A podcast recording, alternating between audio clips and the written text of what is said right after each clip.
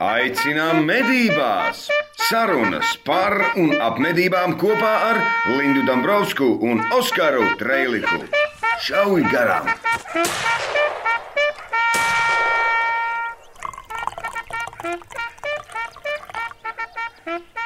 Sākam 21. epizodi. Jā, mēs turpinām 21. epizodi. Mēs kļūstam pilngadīgi, tā teikt. Tāpēc, ka tajā vienā podkāstā, ko es visu laiku klausos, viņi katru reizi sāk ar to, ka alu, alu ielēj. Un tad saka, šitais ir tāds alus un šitāds ir tāds ir alus. tāds alus un tāds alus. Jā, tas mēs neteiksim, kurš tas ir podkāsts, bet mūsu podkāstā mēs ielējam tēju. Mums ir uh, režisors ar, Jā, ar operatoru, Ar režisoru. ar asistentu. Nu tā, Oskar, Nu, čau, mēs jau esam sasveicinājušies. Kārtējā epizode ir klāta. Nevis kārtējā, bet 21. Acīt. Mēs esam īstā pilngadīgi. vienīgā foršā. Īstā vienīgā foršā. Esam atkal pie manas ciemos šautavē mežģirbas, kā Kas? ierasts. Bez Pa- viesiem. Bez Būs viesiem. jāiztiek ar mums diviem. Pašizolējamies. Mums joprojām turpinās Covid un korona un visas izrietošās sekas. Jā. Esam pašizolējušies mežā. Man patīk tas, ka arī šajos apstākļos, kad, manuprāt, vecāki ilgi prātā, kā es saprotu, jo bērni neiet uz skolu. Un, O, jā. un viss internets pilns ar mīmiem par to, ka kaķi ir pilnīgā sašutumā, jo parasti viņi visas dienas pavada dzīvokļos vienas, un tagad tagad kaut kāds ārprāts jā, notiek. viņi nevar darīt to, ko viņi darīja, savas melnās lietiņas. Nu, bet kas man vislabāk šajā visā patīk, tas, ka cilvēki ir saglabājuši savu humoru izjūtu. Tas ir labi. Nē, nu ir pilns jā, internets ar dažādām lietiņām, ko tad nu nedara.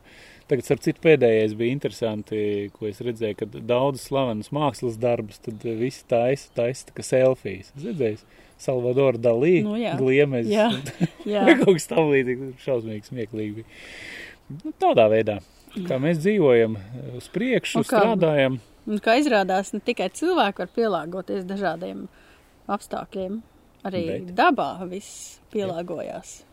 Covidam? Covidam, jā, jo stāsts ir par to, ka, vai tu zināji, ka odas sūc asinis un pēc tam nodod tās uz analīzēm dzeguzēji.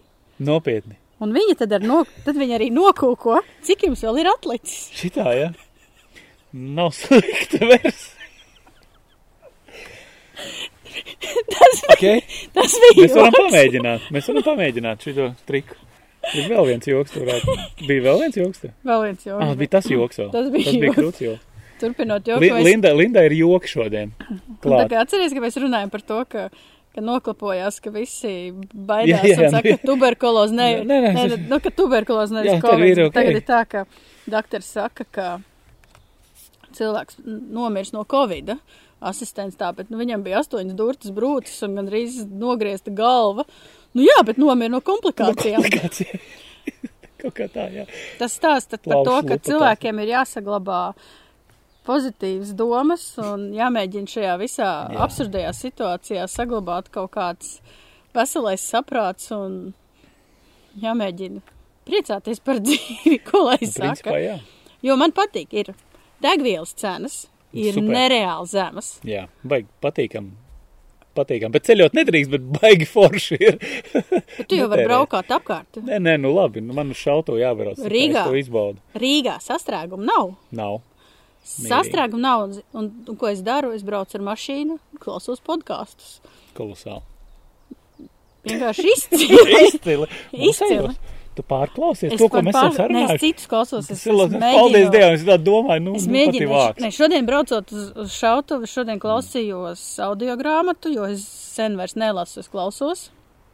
Klausos par uh, lielo influenzi, kas bija 18. gadā, 1918. gadā tā Nu, nu, nu. gripas, spāņu gripas saslimšana, Jā. kad nomira Tur pauze Oficiāli lēš, ka nomira 18 miljoni Jā. cilvēku, bet uzskata, ka visā daudz. pasaulē varēja būt pat līdz 100 miljoniem cilvēku nomira. Un nomira nevis tā kā parasti no gripas vecie un bērni, bet mīra tieši spēka gados cilvēki. Un tas process, kā viņi sāka ar to epidemioloģiju nodarboties, kā mēģināja to apturēt, tas viss ļoti labi sasaucās ar to, kas notiek tagad. Bet ja salīdzinu to, kas bija pirms simts gadiem ar to, kas tagad notiek, mēs esam daudzus, daudzus soļus uz priekšu. Priekš, ne? Tad jau viņiem vispār vajadzēja sākt attīstīt tos soļus, kā to visu ierobežot, un tas viņiem ilga divus gadus.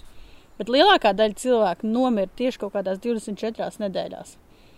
Tas ir drausmīgi. Un ko es vēl šodien uzzināju, klausoties to Nu, nu, nu. audio grāmatu, ka mums bija intervija ar Sandru Blomi no Frederika Leflēra institūta. Izrādās, Frederiks Leflērs, kurš bija vācu pētnieks, sāka darboties ar difterēju un atklāja visādas lietas par šo slimību, kas lā- vēlāk pēc tam ļāva, ļāva izgudrot ārstniecības metodas, kas bija ļoti efektīvas, lai šo slimību apkarotu. Redz kā? Inter, ļoti interesanti lasām viela, klausām viela. Man ļoti patīk. nē, nē, īpaši galvenais šajā laikā, tu tagad to klausies. Tādēļ es to izvēlējos. Diez vai tu klausītos, ja būtu bijis savādāk. Aicinām medībās! Šauj garām! Pagājušajā nedēļā Jā, Facebookā bija bildes un interesanta lieta. interesantas bildes, jā, pa kurām Oskars reāli, kā saka latviešu. Sacepās. Latvieši saka Es sacepās. sacepos nepaknapo īstenībā, un uh, fakts ir tāds, ka mednieki tīri neapdomīgi sāka likt, protams, tojas bebru sezonas noslēgums, vai ne? Visi ir pašizolācijā, mājās ar savām ģimenēm, ar, ar dēliem, un kas tad notiek? Nu, protams, ar saviem dēliem dodas medībās. Un arī, pieņemsim, ok. ka arī ar meitām, Pieņemsim, Bet- kā arī ar meitām, meitas un dēlu ar bērniem. Ja? ar bērniem. Jā. Iziet dabā, pastaigāties un nomedīt iespējams kādu bebrī. Un tad, tad te nu parādījās interesantas lietas Facebookā, kad mednieki sāka likt bildes ar saviem bērniem jau nomedītā. Pats nu, par sevi pats- jau nekas nav slikts. Nekas slikts jau nav, jā, bet bildē, ko mēs redzam, mēs redzam bērns, kuram rokās ir ierocim līdzīgs priekšmets un nomedīts dzīvnieks? Nu, tagad ir jautājums, nu, kāpēc?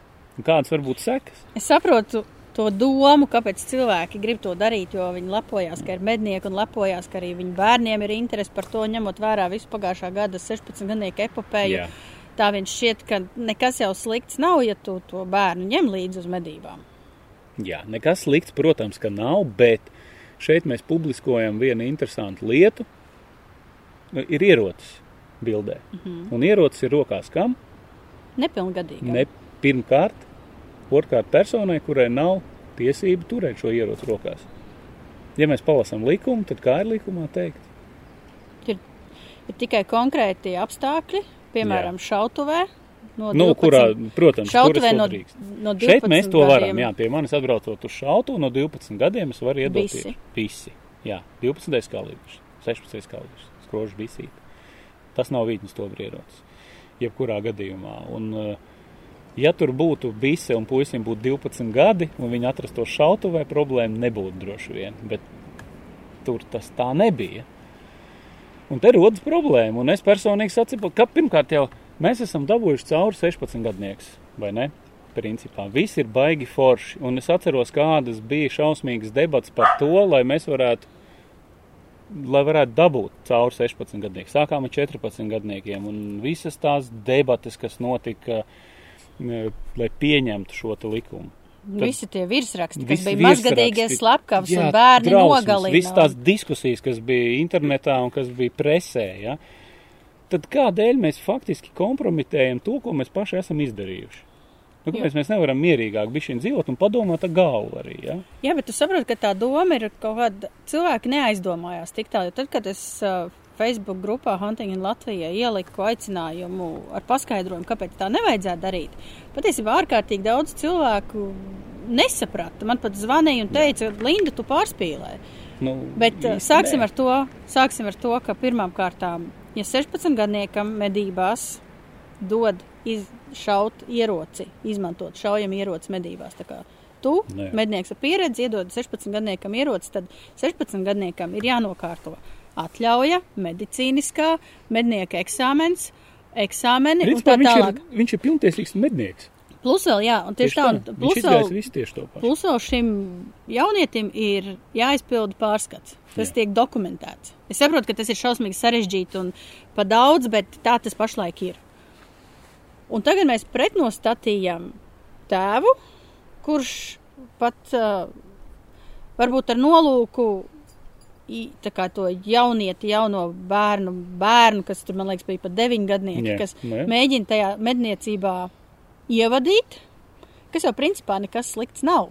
Tas jau nav sodāms. Nē, nē, viss ir ļoti labi. Viss ir forši, bet ir tā nianse. Jā, šī publiskā bilde, kur, kā es teicu, ja, ierocim līdzīgs priekšmets ir bērnam rokās, ja mēs jau nevaram nu, pārbaudīt, tas vēl būtu jāpierāda, ja, bet jebkurā gadījumā tas ir publiskots fakts. Otra lieta jau, nu, mēs nedrīkstam aizmirst dzinējumedības. Tipisks piemērs. Mēs velkam ārā no meža dzīvnieku. Mums ir saskarējuši dzinēji, mednieki, un mēs tagad velkam un mainamies. Un tagad tev ir grūti nest savējo bisīti, un tu iedod dzinējam nest, piemēram, puišalim. Nu, tad panes Ir, bisi. ir cilvēki pat sodīti par Nē, to. nu es tieši par to gribu, uz, es uz to arī vēl. Taču ir tieši šādi gadījumi bijuši. Iznāk ārā, jūs sagaidat inspektors, ja tur ir dzinēja puika, kuram ir trīs bisītes, tā teikt, uz pleciem, kas notiek, ir sots momentāli. Nu, un Sots abiem, abiem diviem. vai jā, ne, Induli? Tāpēc, ka Abiem.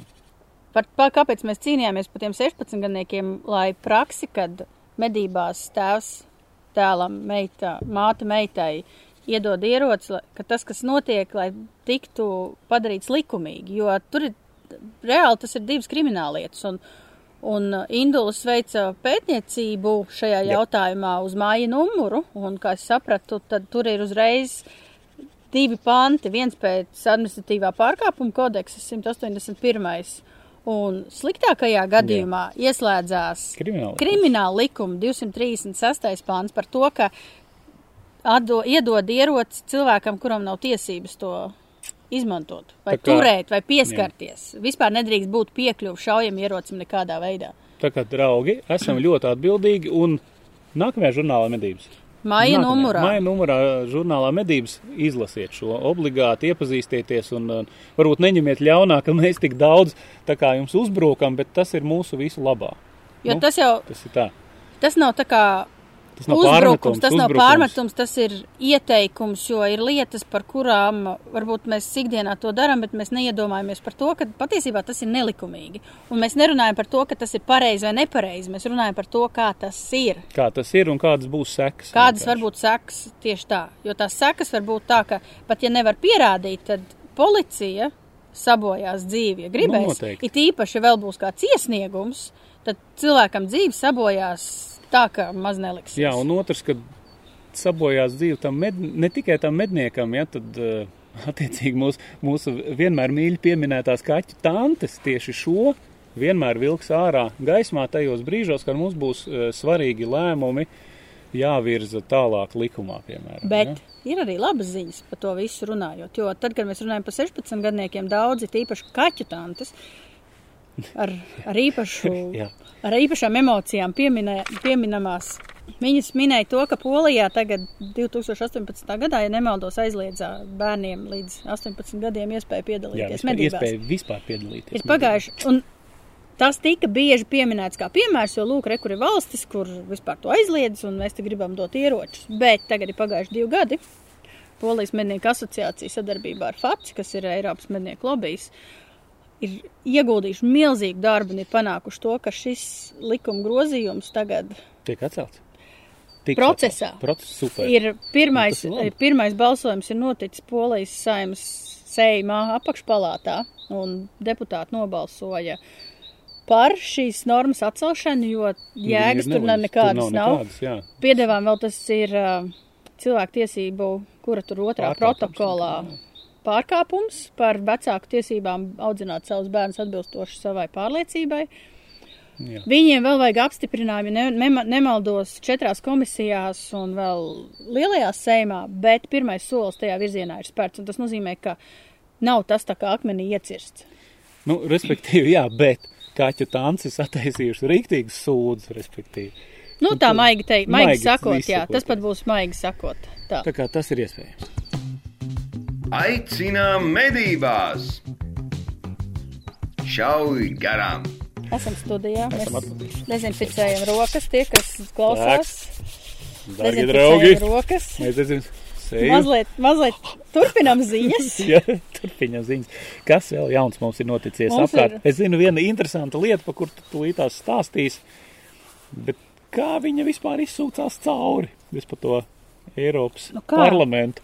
Eiropas parlamentā tāpatās kā Latvijas saimā ir dažādas interešu grupas, dažādas pār, pārliecības, partijas un tā tālāk. Un tur ir viena zaļi, kreisi, acīm redzot, ļoti agresīvi noskaņot grupa, jo, kas vienmēr izceļās ar kaut ko reāli dīvainu. Pāris reizes, kad es esmu bijusi pēdējā laikā, kad vēl nebija Covid, mm -hmm. Eiropas parlamentā, tad tur bija izstāde par to ar bildēm, kā notiek gaļas ražošana. Tad Iedomājieties, kas viņiem pa finansējumu, ka ja faci taisa izstādi, viņiem iedod kaut kādu mazu nostūrīt kaut kur. Ar šitiem te ieejot Eiropas parlamentā tajā lobbyā, pa trepēm augšā liels, liels lobbyis, abās pusēs bildes ar lopkautuvēm, ar tiem līdzīgiem skatiem, kas ir šī te, kad viņi pie McDonald's tur uh, jā, brīvīgi jā, kaut ko dara. Nu, lūk, un šī grupa tagad bīdīja uz Covid-19 pamata baigo ideju. Cīnīsies ar Nu, nu, nu, nu. zoonozēm. Jā. Un proti? Nu, no, no kurienes tad, nu, kur tā Kas- teorija, jā. kur tas Covid radās, no kurienes? No ķīniešiem droši vien. Bet ko viņi darīja? Viņi ēda gaļu. Ak, Dievs! Dzēra asinis. Nu, Ko viņi darīja? Ka- Kas notika? nu, ir tā teorija, ka tas vīrus, nu, tas, kā saka, kā vien uzreiz prātā Mārtiņš Jā. Sežants no PVD un viņa dziļās zinības par to, kā tas vīrus pārlēca no No bēdīga sikspārnīša Jā, jā, jā. uz uh, cilvēku. Nu, jā. Nu, Jā, tā ir viena jā, jā, teorija, mēs pārējās Tā tam neapspriedīsim. sikspārna teorija. Nu, un par šito pamatu tagad ir izdomāts, ka, eju, džeki, Paga, paga. paga, paga, ir taču bīstami patērēt uzturā un vispār kaut Gaļu? ko darīt ar savvaļas dzīvnieku gaļu. Tieši savvaļas. Savvaļas, savvaļas, ne, neva mājas, runa par savvaļas dzīvniekiem. Nu, un ko mēs tagad darīsim, lai šo problēmu risinātu? Eju, džeki, ideja. Tā tas tagad būs.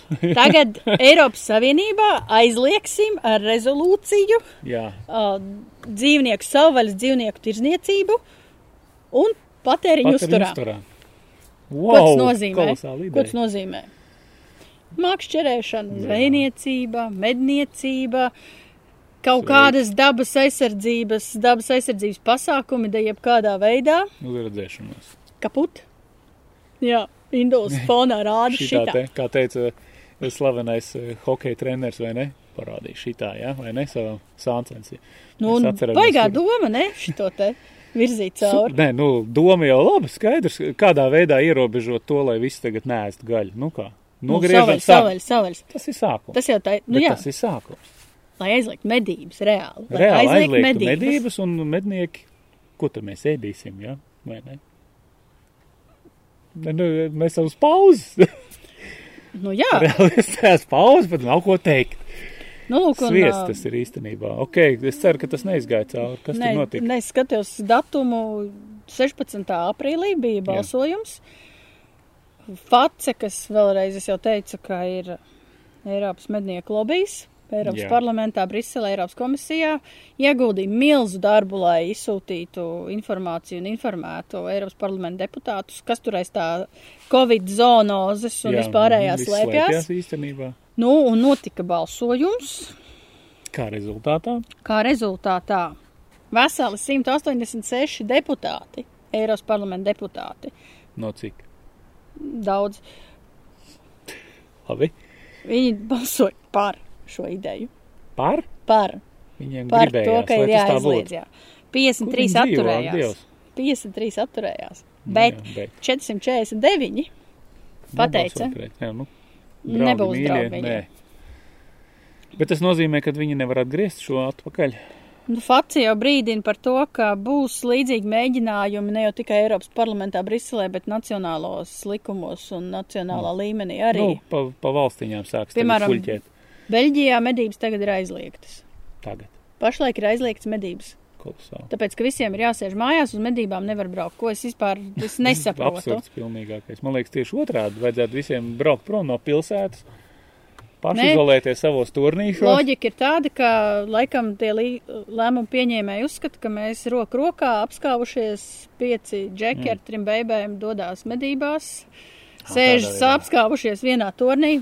Jā, Es runāju ar sarkasmu pašlaik, protams. jā. Un tiešām. Es jau tā aplaišu. dzīvi iedomājos. Izrādās, ka ir daudz veselīgāk ir sēdēt dzīvoklī un nekur neiet, Jā. nevis kā braukt uz medībām. Jā, laika pa laikam tikai var būt izveidināt telpas. Nu, apmēram tā kaut kā. Pilnīgs sviests. Labi, es ceru, ka ļoti labi, ka šo te noraidīja un, un, un ceru, ka tās briesmas līdz mums arī neatnāks. Es domāju, ka Latvijā to Nu, ja mēģinās, ja mēģinās kaut ko tādu vispār sākt runāt, tad sāksies revolūcija. Man tādas aizdomas ir. Un mūsēja lēmumu pieņēmēji ir pietiekami saprotoši un izglītoti, lai kaut ko tādu nerunātu. Jā, lai vispār necilāt tādas uh, abstraktas tēmas. Mēs ar Kati Šternu no kolēģi no žurnāla medības runājām par to, ka Lietuvā viņi kaut kā dīvaini ir. Tas arī mazliet ar ironiju, tāpēc, ka principā ir atzinums no dažādām organizācijām, ka individuāls medības nav pulcēšanās, nav sporta sacensības, un īsāk sakot, ir atļaujamas, bet mednieki paši ir izdomājuši, daļa mednieki ir izdomājuši, ka Mm. likumi viņam neļauj iet medībās. Ah, tādā veidā. Jā, Nē, nu ko tad tagad vispārībā neko nedarīt? Nu īstenībā jau kā, darbs jau neapstājās cilvēkiem. Draugi mīļie, tas, ka mēs sēžam mājās pašizolācijā, nenozīmē, ka mēs esam brīvdienās un atvaļinājumā. Ja? Nu, mēs reāli darām, ja? Tā mana pašizolācija ir, uh, tur nav teikts, sēdi pašizolācijā dzīvoklī, vai ne? Savā mājoklī. Mans mājoklis arī ir šeit mežā, es atvainojos, ja es arī šeit varu pašizolēties, kā es vēlos. Otrs man nav jāapmeklē pulcēšanās vietas. Ja es esmu medībās, kur, kur tad es ar zvēriem pulcējos? Nu, ja nu vienīgi. Jā bet tas Eju, sēžu, daru. Jā, viss. Varbūt vienīgā, vienīgā, vienīgais brīdis, kad es varētu pulcēties, ir dīrūzī, varbūt, ja? dīrājot bebrus ar kolēģiem. Bet mēs varam ieturēt divu metru distanci un palūgt, paprasīt viens otram. Nu, varbūt esi ka- bijis pēdējā mēneša laikā kaut kur Nu, ja jūs tur četratā labi? milzīgo cūku, ko viens pats nevar iecelt mašīnā, Jā. nu, tad varbūt tas ir tas apdraudējums. Uzliekam masku cimdus, vēlreiz pajautājam viens otram, vai nav bijis un tā tālāk, jā, dezinficējam un viss darām. Kādas problēmas? Jā. Bet tāpat mans aicinājums būtu būt prātīgiem, Jā. ievērot distanci. Esiet atbildīgi. Esiet atbildīgi, neriskējiet ne ar sevi, ne ar saviem tuvajiem. Dezinficējiet rokas. Jā. Vecākiem aizvediet pārtiku, tā kā arī es to daru savai mammai. Palīdziet Pateicu. tiem, kam Jā. vajag palīdzēt, un gan jau mēs kopā šito ārprātu pārcietīsim kaut kādā veidā.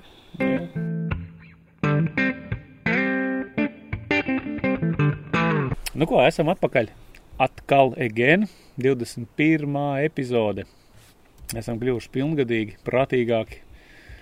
Un pats jaukākais, ka pilngadību esam sasnieguši kad? Tādā trakā laikā, vai ne? Jā, bet šī trakā laikā ir arī labas lietas. Ir labas lietas. 15. aprīlī iznāca kas, Oskar? Kas iznāca pirms 15. aprīlī? Es tev jautāju, kas iznāca 15. aprīlī. 15. aprīlī iznāca Oskar, lieliskākais. kaut kas Pi... garšīgs iznāca. Tā kā es zinu, vislieliskākais pielikums, kāds vien dzīves. Ar citu, mana sieva Diana, ja, viņa uzreiz teica, ka kā. Viņa sāk šķirstīt, viņa saka, klausies, bet šeit ir.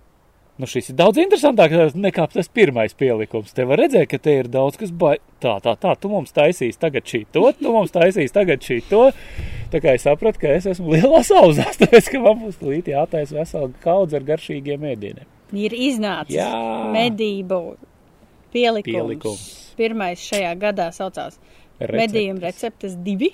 Tāpēc, Otrā pirmais, pirmā daļa bija pirms diviem vai trim gadiem, trim Jā. gadiem, ja nemaldos. Mm, Bet tas, tas ir izpirkts, to dabūt vairs nav iespējams. Tikai kolekcijā, no kolekcionāriem. kolekcionāriem, jā. Tie, kas abonēja īpašu abonementu, Jā, mazliet dārgāk nekā parasto, tie visticamāk jau ir Mhm. Ir saņēmuši. saņēmuši, man bija paskastītē. Es gan vēl neesmu viņu redzējis, tāpēc, es esmu laukos un man tas pienāk Rīgā. Arī mēs gaidām paskastītē savu žurnālu. Tieši tā. Nu, un tajā pielikumā Jā. ir par dažādām garšvielām, par virtuves nažiem. Ir 30 jauns recepts. pilnīgi jaunas. Nekad Tāds, kuras, kuras nav publicēts. Jā, jo iepriekšējā bija vairāk atkal tas, kas bija no iepriekš publicētajām. Jā, apkopotās. Nu, redz, mašīnī 30. Vairāk nekā 30. Vairāk liekas. nekā 30. Sākot ar lāču ķepām, beidzot ar karbonādēm, steikiem, kūpinājumiem, desām, panētiem, viss kaut kādiem gaļas gabaliņiem, pastētes, astes, tur ir daudz. Kā es to visu iedomājos, kā es to taisīju, liku kopā man siekaltāk. Ir kā sieva man teica, un kur tu tagad dabūsi to lāču ķepu? Ja? ja? Bet, Kur? Kur? bet tā kā tur ir arī recepts, piemēram, par to, kā eļā panēt balodi, lauku balodi, bet Jā. Tādā veidā var visus mazos putniņus, krīklīšus, ā, slokas. Lakstīgalas? Strazdus? Nē, tos nevar. Nē, bet ir recepts man no 27. gada par to, kā. Itāļu kā- strazdus lobi. Jā, bet man ir latviešu grāmatas aizlienē dažas idejas, kur ir uh, 27. gadā tā arī rakstīts. Kā gatavojas virbuļus, Jā. dūjas un vēl visādas citas lietas. Kolosāli. Bet man vis, visvairāk sajūsmināja veids, kā ieteica nogatavināt sloku. Tu, arī Jā, tas oh. ir iekšā jaunajā. Sloka. Jā, kā Nogatavi- slokas, kā 27. gadā ieteica nogatavināt slokas. Ok. Sloka pastētīt arī ir. Nē, tur nē, Tā tas, nē, tas bija mazliet De? pa ekstrēmu. Tie, kas zina, tie zina. Tas parasti joks Pērciet, pērciet pielikumu lāpumcelē e-veikalā Droši. vai preses tirzniecības vietās, protams, ar cimdiem, maskām un dezinfekcijas līdzekļiem. Jā. Bet labāk to dariet attālināt. Tieši tā.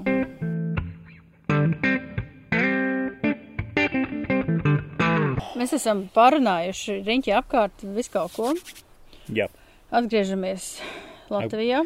Pie mūsu vīrusiem mežā. Pie mūsu vīrusiem mežā. Es Jā. saprotu, ka visiem ir reāli apnicis Āfrikas cūkmērs, klasiskais cūkmērs, trakums sērgā, hroniskā novājēšanas slimība. Un, Man liekas, visiem viss ir apnicis jau visām slimībām. Jau dzirdēt, vairs neko negribu. Bet, kā jau ar visu arī Āfrikas cūkmēra Jā. gadījumā bija viena laba lieta, kas beidzās šā gada 31. martā, proti medību likumā bija noteikts, ka Āfrikas cūkmēra un klasiskā cūkmēra draudu ierobežošanas pasākums īsteno līdz brīdim, kad meža cūku populācijas blīvums ir samazināts Mhm. līdz vienai meža cūkai uz 200 hektāriem, bet neilgāk kā līdz 20. gada 31. martam. Marts Tas- ir iestājies. Tas nozīmē to, ka visi mazie iecirkņi, kas piecus gadus varēja medīt meža cūkas platībās zem tūkstots hektāriem, ka tas viss ir beidzies un atkal ir spēkā medību likuma pants, kas pasaka, ka meža cūku medības atļauts tikai platībās, kas ir no tūkstots hektāriem. Bet tas tā ir, būs izmaiņas, nebūs.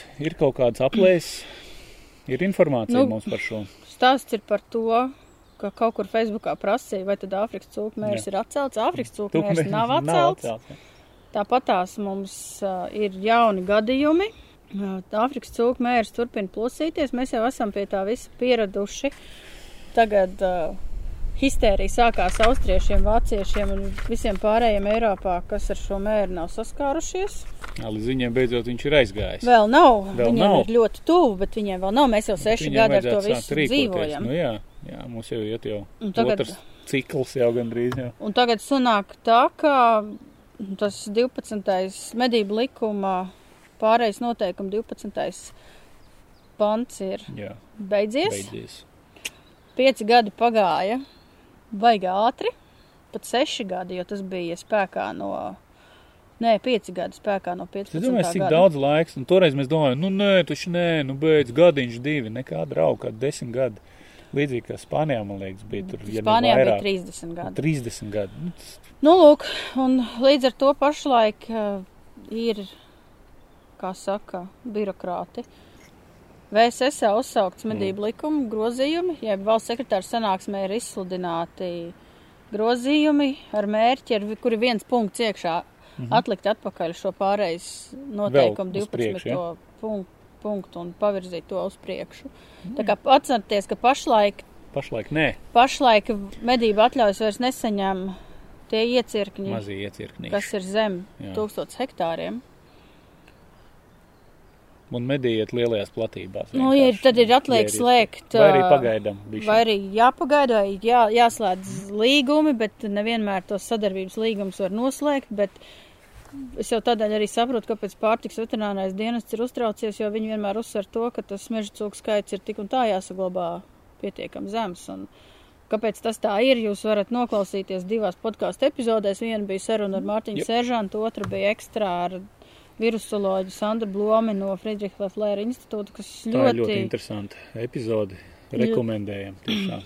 kas ļoti loģiski un saprotami izskaidro, kāpēc ir tā, kā tas ir un ko tas mērs dara un kāpēc mums tam jāpievērš uzmanība.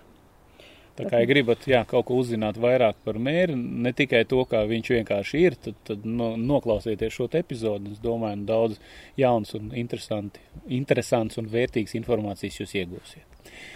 Bet šodien mēs mazliet vairāk varam par platībām parunāt, par medību O, līgumiem, jā. medību platībām. O, jā. Jo kāds mums Facebookā uzrakstīja, ka šī ir tēma, par ko mēs varētu mazliet papļāpāt.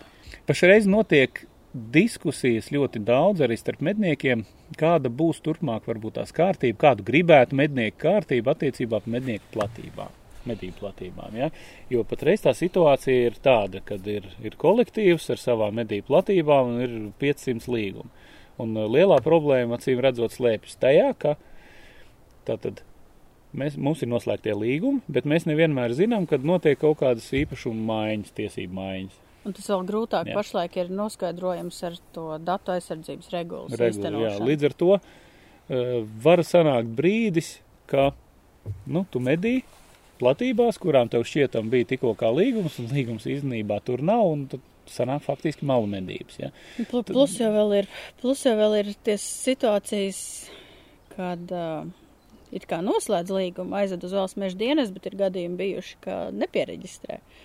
Arī tāda ir opcija bijuši. Nu, opcijas ir daudz, un tā diskusijas pamatā ir ideja noteikt arī robežu. Man ir cilvēks azotē padomā, kuram ir viedoklis. Tas ir Artūrs Surmovits, arī mednieks, kas pie mums ir bijis arī podkāstā. Jurists, nu, un te ir viņa viedoklis. Eksperta viedoklis. Sveiciens visiem šai garām klausītājiem. Runājot par izmaiņām medību tiesību aprites kārtībā, es uzreiz atceros kolēģi, ļoti pieredzējušu advokātu un bijušās augstākās tiesas priekšsēdētāja vārdus. Labāk vecs pazīstams un nepārāk labs likums nekā jauns un nepazīstams. Ir dzirdētas daudzas idejas un diskusijas par medību tiesību aprites kārtības izmaiņām vai uzlabošanu.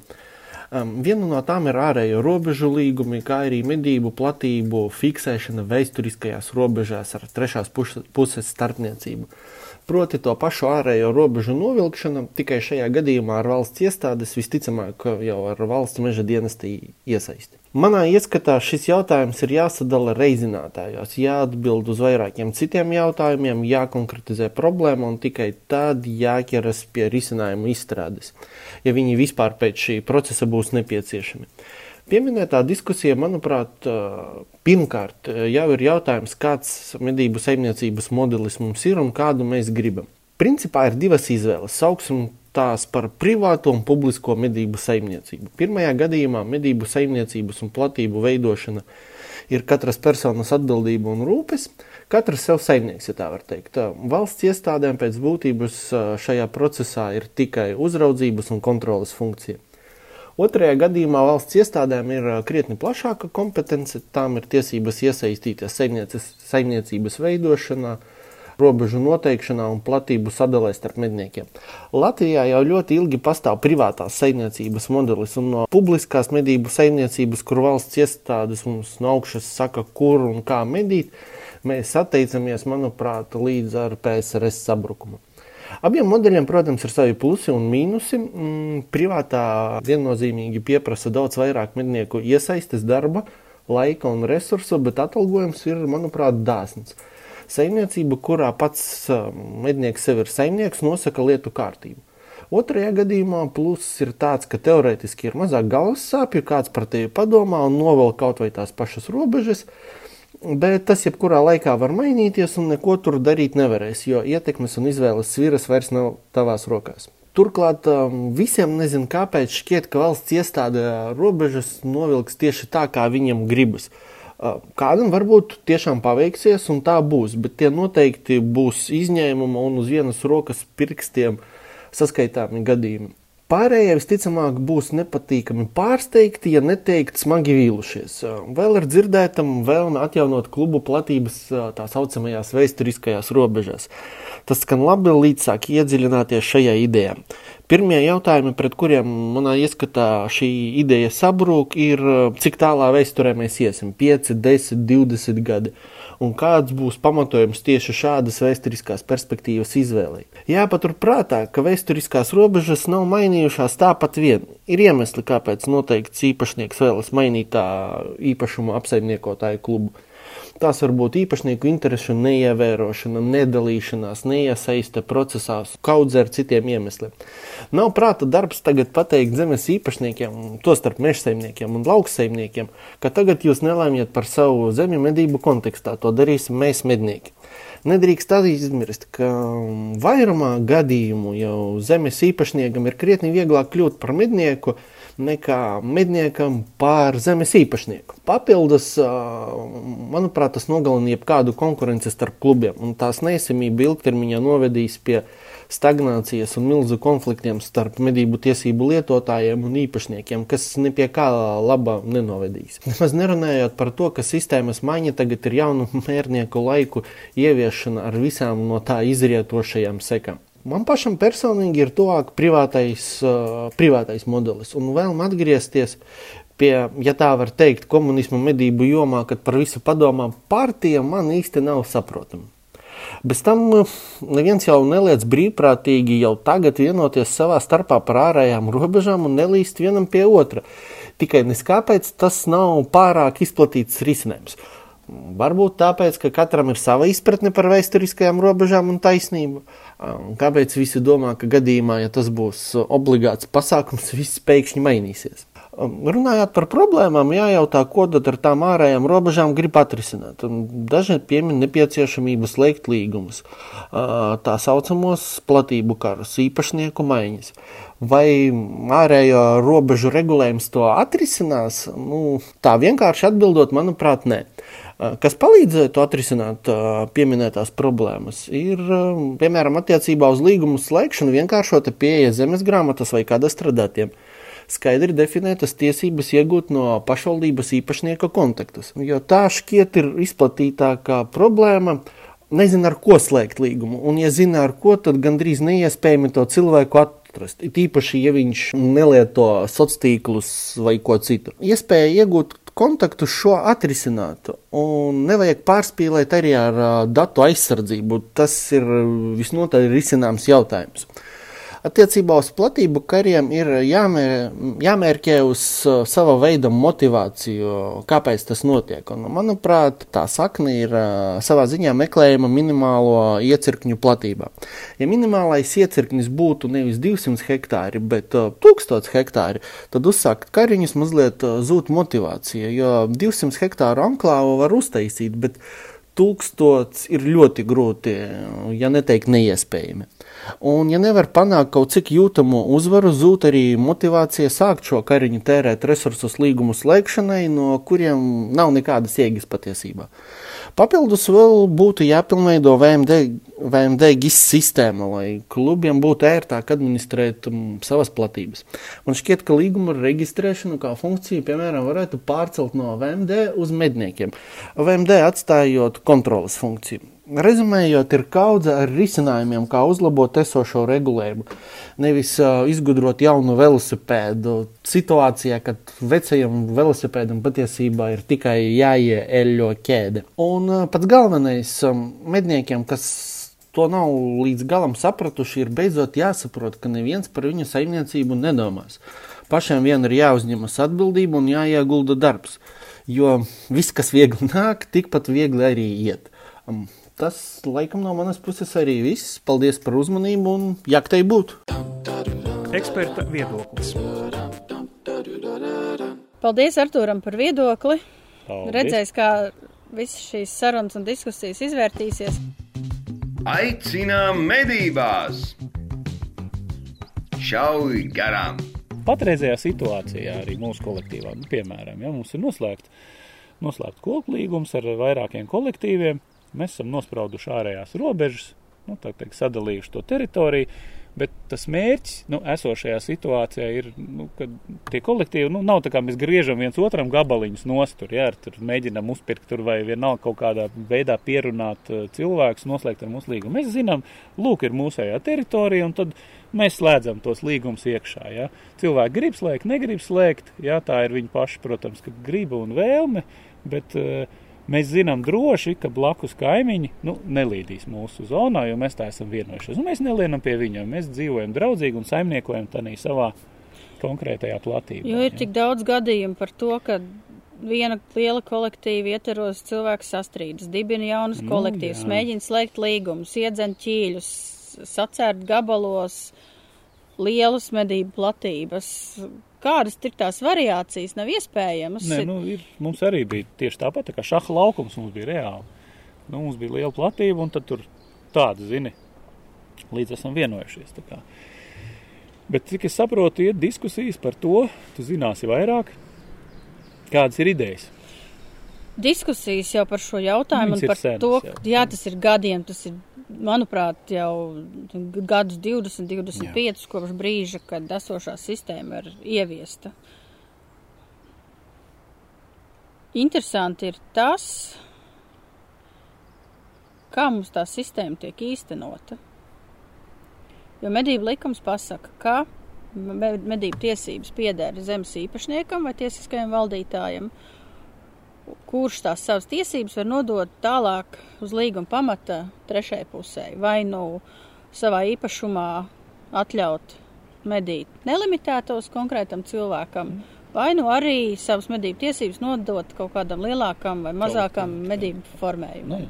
Interesanti ir tas, ko nosaka mūsu civila likuma trešās daļas lietu tiesības 935. punkts. Mm -hmm. Tas ir civila likums nosaka vienu, bet kā beigās Tur ir pretruna. kā beigās nonākot medību līdz likumu. mūsu spēkā esošajam medību likumam, kaut kā sanāk viss tas otrādi, jo mūsu civil likums skaidri un gaiši pasaka, citēju, zemes īpašniekam ir tiesības aizliegt ikvienai svešai personai ķert vai medīt dzīvniekus viņam piederošās zemes robežās, bez, bet aizliegumu pārkāpjot, prasīt no pārkāpēja atlīdzību. Tas mhm. nozīmē to, ka civil likums pasaka, ka tev ir tiesības aizliegt. aizliegt. Nu, neiet runa par atļaušanu. Savukārt medību likums pasaka, ka tev ir jāiet un jāprasa atļauja. Jā. Tā kā savā ziņā jau tas tiesiskais pamats varētu teikt to, ka ļauj tās būtiskās izmaiņas. Jā. Nu, tad sanāk, kad mēs varētu, piemēram, likumā veikt nelielu izmaiņu, vai ne, balstoties varbūt uz civilu likumu, un tad noteikti, kad, ja šajā te noteiktajā teritorijā, piemēram, ir šī te īpašnieka platības, un viņš, mums viņam nav jāprasa atļauja, ja, bet uh, mēs, piemēram, nemedīsim tad, kad viņš to mums aizliegs. Nu, tas ir Tas ir- teorētiski. Nu, tas ir jā, teorētiski. te- Tas ir teorētiski. Piemēram, mēs sadalām ar lineālu Latviju vienādos, teorētiski, es tikai teorētiski runāju, vienādos uh, kvadrātos, un Jā. viss, kas ir tavā kvadrātā iekšā, tas it kā pieder tev, un tie, tas ir īpašnieks tiesības, negrib, jā, nu jā. viņš ir pārliecināts pacifists vai mīl dzīvniekus, tad viņam ir tiesības aizliegt. Līdzīga situācija ir patiesībā Igaunijā. Viņiem minimālā medību platība ir 5000 Mhm. hektāri. Tur, kas tur viss ir iekšā, tur pieder medību tiesības tam kolektīvam konkrētajam. Protams, platības var būt lielākas, Mhm. un šo piemēru uzskatu par kaut kādu nezinu, pašu perfektāko un labāko. Bet viņiem arī bija problēmas. Viņiem daudz, dažus gadus atpakaļ, bet bišķiņ vairāk nekā dažus gadus atpakaļ bija problēma ar to, ka viņu likums neparedzēja iespēju zemes īpašniekiem, pat tad, ja viņi ir mednieki, tiesības medīt šajā kolektīvā, kas apsaimnieko viņa zemes platības. Mm. Un sākās baisākā revolūcija, ka lauksaimnieki, ko lobbyis, kas ir pietiekami liels, kas arī vienlaicīgi ir mednieki un vienlaicīgi ir zemes īpašnieki, ka gribēja šo normu atcelt, kas beidzās ar baigākām diskusijām. Es braucu pie viņiem stāstīt, kādas ir mūsu sistēmas mīnusi, lai viņi nemēģina pāriet uz mūsu sistēmu. Rezultātā viņi atļāva, tas ir deva tiesības zemes īpašniekam Jā. iespēju medīt konkrētajā klubā. Tas ir viņiem ir obligāti jāpiedāvā.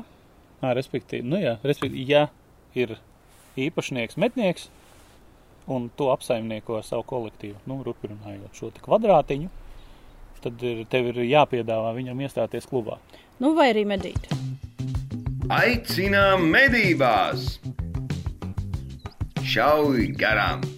Atgriežamies pie Igaunijas, kur arī viņu, it kā mūsuprāt, ideālā sistēmā bija mīnusi, ko izmantoja kaut kāda interešu grupa un mēģināja to visu sabojāt, sagandēt vai pavērst sev pa labu. Lietuvā atkal ir Lietuvā, jā. mazliet savādāk. Tur, tur bija tā, ka īpašniekam visu laiku bija tiesības medīt konkrētajā klubā, kas pārvalda tās mm -hmm. viņa platības. platības. Bet pavisam nesen bija grozījumi, kas šo prasību atcēla. tas, sanāk, tas, tas nozīmē to, ka ja tas tā, tu esi tā kā skaidroja tā, ka, piemēram, tev kā īpašniekam Lietuvā, piemēram, ir 500 hektāru zemes.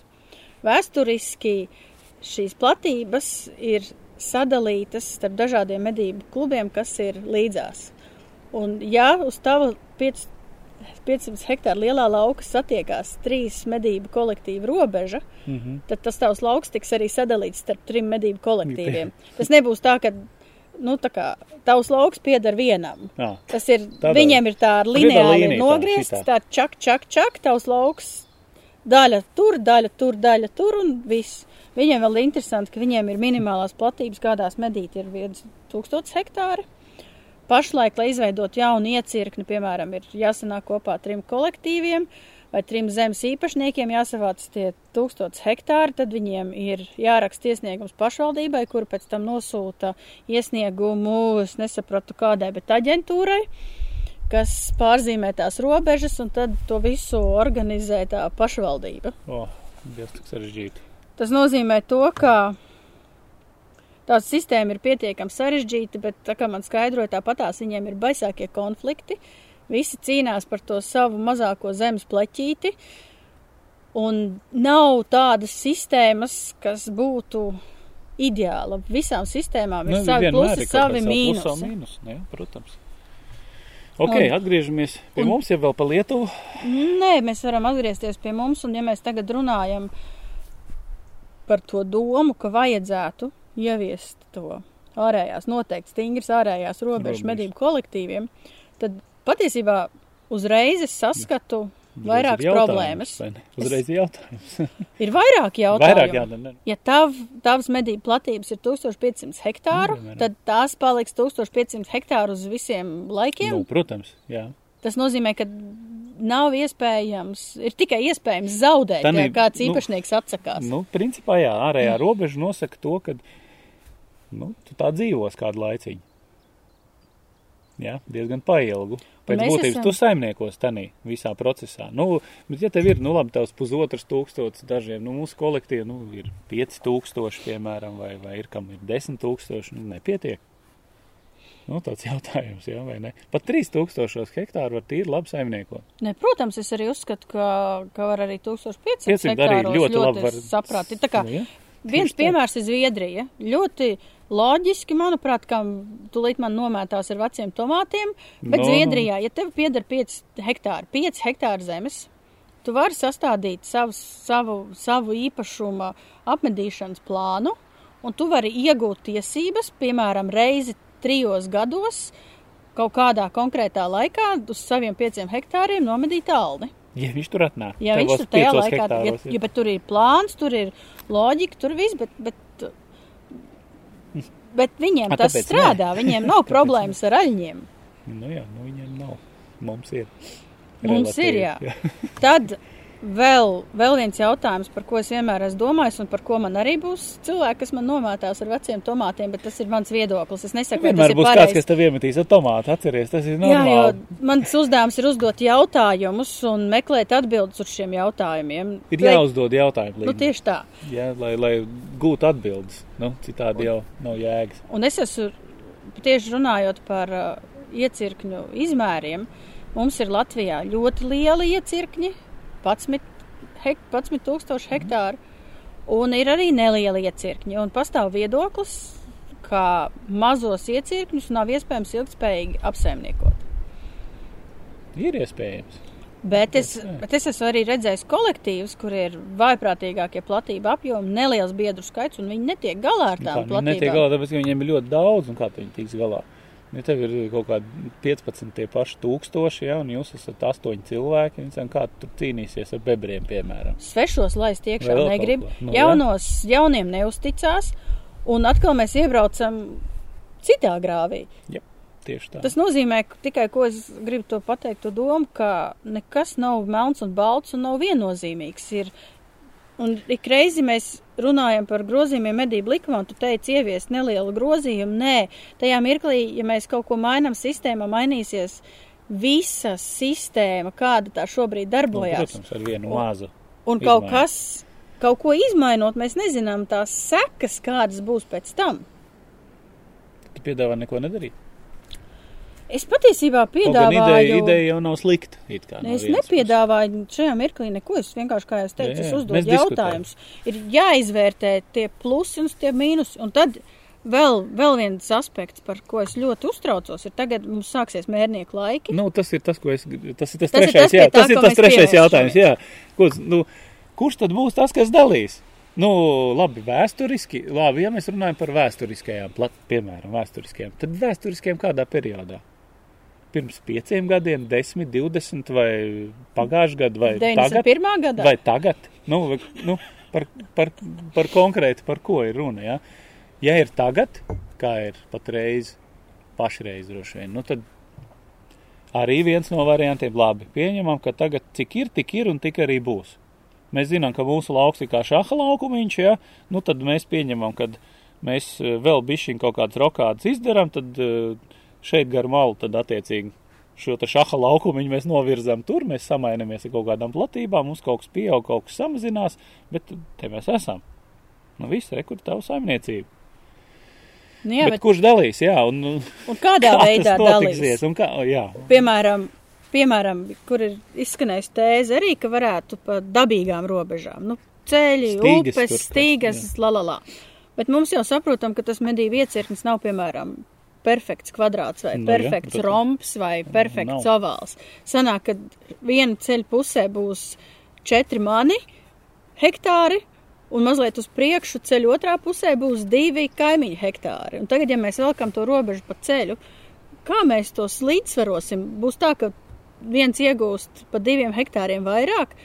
Un ja mēs runājam par to emocionālo stāvokli un konfliktu iespējamību, taču cilvēki kašķēsies par katru centimetru, jā, tā būs. jo es, es saku, ka nevienmēr ir kolektīvi, kā tavējais, ko tu stāstīji, ka var vienoties, ir no, noslēgt līgumi. Tas nebija viegli, bet vienojāmies. Protams. Ja, tas, tas, protams, ka tās diskusijas augstā tonī, bet jebkurā gadījumā nu, fakts ir noticis un ir ok.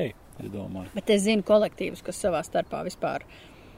Nu, tur ir konflikti, ujuju, ir pat konflikti, kas ilgst gadiem ilgi ar visu tiesvedību, un tur Nu viņi jā. nevar notiesāt un satiesāt. Un ir kolektīvi, kas ir ar pietiekami lielu ietekmi un dodas uz valsts kancelēju pie paša prezidenta ar sūdzībām par kaut ko, kas ir redzēts, tāpēc, ka nespēja savstarpēji vienoties.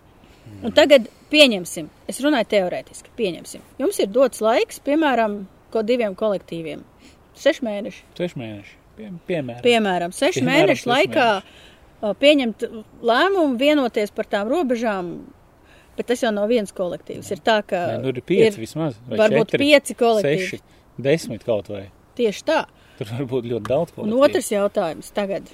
Jūs nevarat vienoties. Pieņemsim, ka kāda trešā puse, nu, kas varētu mums būt trešā puse, piemēram, Nu, piemēram, valsts meža dienas. valsts meža dienests, eh, kur ir, ne, vai arī kolektīvs, kurā strādā valsts meža dienas darbinieki. Piemēram. Nu, jā, pieņemsim, ka tā trešā ne, objektīvā puse. Jā. Ir pieņemsim, ka Jā. trešā objektīvā pēdiņās puse būs tagad Jā. valsts meža dienests, kurš ar lineāli tagad kartē vilks to līniju un teiks, Nu, pēc būtības viņi varētu būt arī tā tuvākā institūcija, kas to varētu darīt. nu, Pareizi? teorētiski, jā, protams, Teorētiski, nu, jā. loģiski. Nu, jā. Tad pieņemsim, ka tas ir tā. Bet es nevienu neapvainoju.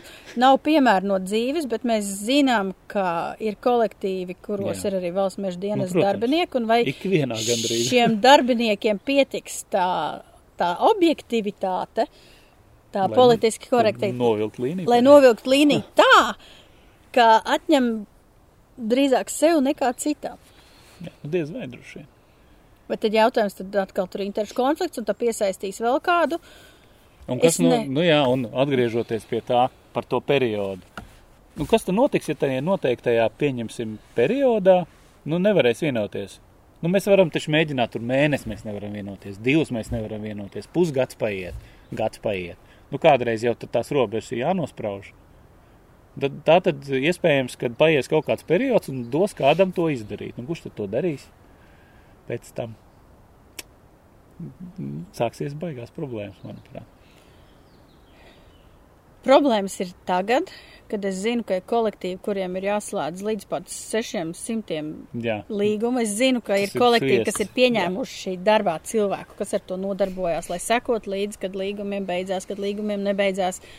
Tad tur ir tās īpašās attiecības. Tad vienam ir jāved buka kāja, trešam ir jājauc dāmas, ceturtam ir pretenzijas, piektam, es nezinu, ne tā uz suni paskatījās, kāda tik tur iemesla nav.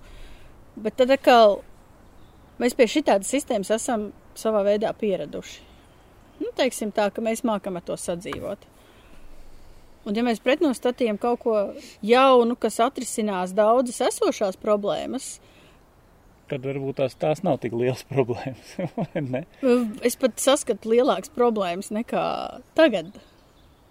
Tas ir tas, par ko es, es gribu teikt. Ko tu ka- gribēji teikt? Jā. Es gribu teikt to, ka šādi lēmumi ir jāpieņem un jāizvērtē ļoti, ļoti rūpīgi un nedrīkst tos lēmumus pieņemt uz kaut kādām emocijām, vai tāpēc, ka ir apvainojies, vai kaimiņš ne tā ir apskat, paskatījies, un kaimiņš tur kaut ko ir paņēmis nost, un līdz ar to tagad iet un meklēt kaut kādus atbalstus saimā, piemēram, lai risinātu kaut kādas vietējās problēmas un tā tālāk. Šis ir jautājums, kas ietekmēs visus 22 tūkstošus Latvijas mednieku. Tā ir. Un ja tas tā notiks, nu tad. Es nezinu, nu, teiksim, saku, abstrahējoties tīri no, no tā, no, no mērnieku laikiem, kurus mēs esam teviem pieminējuši. Nu, ideja nav slikta. Man jau patīk. patīk nu. Ne, Ideja ir laba. Rekur tev saimniecību, saimnieko viss. Aicinām medībās! Šauj garām! Jāsaka, tas, ka medību likums mums ir kā tāda svētā govs, ko aiztikt pārsvarā negrib neviens, jo no tā var Nevajag. izrietēt vienkārši briesmīgas, briesmīgas sekas. Viņa kā tāda, zin, Pandoras lāde, vai ne? Tāda burvju grāmata, nevajag viņu vērt vaļā bez Viens piemērs. vajadzības. Viens piemērs. 14. gadā, kad medību likums bija vaļā, lai būtu nodrošināta sabiedrības caurspīdīgumu, la, la, la, bla, bla, bla, uz sanāksmēm tika aicināts arī dažas kaķu tantes, Mm. Kuras to, jā. atnāca uz sanāksmi un pilnī, pilnā nopietnībā izteica priekšlikumu aizliegt bērniem līdz 18 gadiem piedalīties medībās. Easy peasy. Jā, vienkārši. Lūdzu. Un, ja tajā mirklī, ņemot vērā kaut kādus, es nezinu, valdības šūpošanās, un ja tas medību likuma vai vispār likuma pieņemšanas laiks, viņ, tas izstiepjās, var izstiepties pat uz daudziem gadiem, un pēkšņi šādas tantes atnāk uz zemkopības ministri, izsaka šādu viedokli, un tur ir pretī cilvēks, kas, Kas māja šitā galva? kas māja ar galvu un Saka, ir gatavs "Ok, kaut ko tādu pieņemt. Un tad mēs izstiepsimies gari. Mēs tur varēsim darīt, ko mēs gribam, un nebūs mums iespējas to ietekmēt. Mums būtu polija. Mums būtu polija. Jā. Nu, un, kā. protams, medību likumā ir daudzas lietas, kas ir vecas, arhaiskas, kas ir jāmaina. Viens piemērs, kas ir jāmaina. Piemēram, Piemēram, kas tev nepatīk. medību likumā nav minēts vārds savilcējs, ir minēta medību atļauja. Savilcējs parādās ministra kabineta Noteikumos. Nu jā. kas paskaidro, ka tā Kas ir atļauja ir atļauja? savilcējs. Bet viņi arī ir. Bet tas notika tāpēc, ka tad, kad mēs izdomājām, ka vajag ieviest nevis papīra formātu norakstīšanu, bet savilcējus, Nu, bet savilcējs jau nav papīra formā. Mēs jau nez- nesakām atļauju papīra Nu nu, jā, bet- formātā. bet jā, Atļauju savilcēju formātā. Nu, mums ir teikts atļauja, medību likumā ir Nē, vienkārši nu, teikts es- tā ir vienkārši atļauja. atļauja. Nu, tu, mēs viņu varam dažādi interpretēt ar noteikumiem. Nu jā, bet ko es to gribu paskaidrot, Labi. ka tad, kad bija doma ieviest šo jautājumu, izdomāja, ka to var izdarīt ar MK noteikumiem, Noteikumiem. Lai nevis ar nevērtu- likumu. Ā, lai nevērtu vaļā Lai likumu. nevērt vaļā likumu, tādēļ Jā, medību tā likumā ir ir. pateikts, kas ir medību atļauja, bet medību noteikumos ir paskaidrots, kas, ka medību atļauja ir savilcējs. Nu, bet tas ir loģiski. Un tas ir turpinājies jau cik 5, 6 gadus un Mm. ļoti sekmīgi, un mums nav bijis jāvar vaļā likums. Jā, tas ir Un labi. tad pēkšņi nesen, tad, kad bija runa par uh, sodiem medību likumā, kāds bija sapratis, Ew, bet mums taču na- nav medību atļaujas, mums ir savilcēji, kas tagad ir noticies. Cilvēki pat nepievērš uzmanību šādām niansēm. Tad vēl ir pārskatāms, protams, arī medību likuma 24. pants, kas ir runa par, Par, par ā, aizliegtiem aizliegtiem, rīkiem jā. un nelikumīgām medībām, piemēram, loki būtu izņemami ārā. Nu jā, būtu jāsvītro no turienes. Es Varētu- esmu pār. varētu kaut vai meža cūku medībām atļaut tās pašas termotēmēkļus, ko es nesaskatu vispār nekādas problēmas. Tehnoloģijas attīstās. Būtu jāizņem, jāsagroza tas, tas no, nosacījums par uh, nakts redzamības tēmēkļiem. Par to, lai mēs varētu to. tomēr arī dienā viņas lietot. Nu jā, kas nav vispār jā, jā. nekādas, ne, Jā, nekādas. tas arī. Tur tagad dienā īsti nevar nemaz viņu lietot nakts redzamības tēmekli. Mm. Nu jā, saskaņā izņemot uz meža cūku lapsu, ja Nu, nu, nu, medībām. nu, nu, jā, Bet jā. kā mēs runājām vienā no iepriekšējiem, uh, vieniem no iepriekšējiem podkāstiem, tad pēc Eiropas un pasaules normatīvajiem aktiem tas attiecās uz medībām naktī. Tie Jā, jā, tēmēkļi ar to pārveidotāju. Nu, Nevis, tur ir nianses, kas ir jāmaina likumā. es Nu, domāju, tieši ka- tā, nu, tie tikai nu, daži piemēri, kas būtu jāmaina, bet es domāju, ka tas ir jātaisa un jāgroza tikai tādos gadījumos, ja tiešām savādāk vairs nevar. Izmaiņas ir visur, sākot ar visiem vīrusiem, covidiem, beidzot ar to, ka uh, ir šajā visā laikā ir arī parādījušās daudz jautājumu, kurus droši vien jārisina ir un būs jārisina. Noteikti mēs jau netiksim vaļā no tā. Agrāk vai vēlāk jau būs jārisina. Un kā, jautājums ir, kā tie, kas ir iesaistīti šajā procesā, kā mēģinās atrisināt, lai tas viss darbotos. Jo tas mans novērojums parasti ir tāds, ka, ja tu pa ej ar foršu ideju uz medību noteikumiem vai medību likumu, kaut kā, nezinu, tajā visā procesā tas viss pārvēršas par kaut kādu murgu. Nē, nu vienā brīdī tas ir. Jo tad, nu, es saku, tā Pandoras lādi vaļā un tur met tās iekšā un skrien ārā viss, kas tur. Tā kā esam ļoti uzmanīgi, esam atbildīgi. Jā, jo ko var, ko var kā, ko medību, kam medību likumā var uzbrukt? Ko mēs redzam? Uzbrukt var slazdiem, Jā. uzbrukt var suņu izmantošanai medībās. Jo ir Labi. sabiedrības daļas, kas, daļa, kas uzskata, ka tas ir nežēlīgi. Lietuvā pašlaik ir tieši tādas diskusijas, ka vajadzētu. Medības suns, ja, kurš ir paredzēts medībām, ja, ar mednieku gēniem, viņam vajadzētu sēdēt mājās. Ja. Nu, jā, medību suņu, suņu izmantošana medībās. Ja, vispār nav- suns ir eh, dekoratīvs elements. Nu, laikam tā doma tāda ir. Tas tā ir. Ja. Tad viņam nav funkcijas.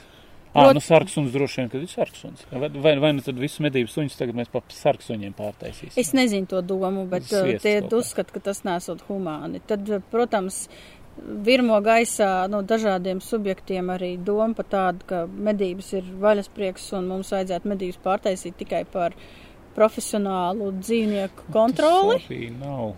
Nu, tā, Es tikai minu tos riskus, kas, par ko varētu Ne. sākties diskusijas. es esmu dzirdējis jā, par šo, starp citu, un tas ir, tas ir tāds ļoti bēdīgs signāls, ka gri, grib medības uztaisīt par tiešām par kaut ko profesionālu.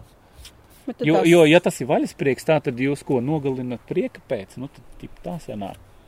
nu, nē. principā, jā, tas, tu, nu, tas jau ir tas. Ja medības ir hobijs, tā tad tu gūsi no hobija zinām baudījumu, vai ne? Pa filozofējot, ja? Nu, tu, nē, tā doma laikam aiz Jā. tā ir, ka tu priecājies, ka Es tu priecājos, nogalini. ka Tu es tomēr, es nogalinu. Oh, super, O, nošāva, jā. juhu, vai ne? Nu, kaut kā tā.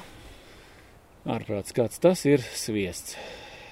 Problēmas būs vienmēr, par to nešaubieties, dārgie draugi, klausītāji, lasītāji. Nesauksim tās par problēmām, sauksim to par tādu ikdienas ritumu mednieka dzīvē, vai ne? Un tiem, Nu, kas, kas virza svarīgus jautājumus mūsu vārdā, vai ne? Jo, kā mēs redzējām, tad ir cilvēku grupas, kas izmanto Covid, lai apturētu medības. Nu, iz, man liekas, diezgan daudz jautājumu Covid aizsargā tiek tagad risināt ļoti ātri un, un, un bezbailīgi. Tas ir tur dažādi citi politiski risinājumi arī notiekās. Tā Nu, teikt, kā saka, nu, sakārtos visu. ja? Sakārtos viss fiks pa ātro, jo, nu, ārkārtas situācija ir diezgan interesants rīks, es teiktu, ja, lai ļoti ātri risinātu dažādas jautājumus. Bet, nu, par to varbūt kādreiz citreiz šodien mēs laikam beidzam. Esat atbildīgi, esat drošībā, Jā, dezinficējiet rokas, mazgājiet rokas. Veselību. Veselību. Jā, šajā laikā novēlam jums stipru veselību. Šauj garām. Kulīna šauj garām un jaktei būt. Būt, būt, būt. Atā. Sarunas par un ap medībām kopā ar Lindu Dombrovsku un Oskaru Trēliku. Šauj garām!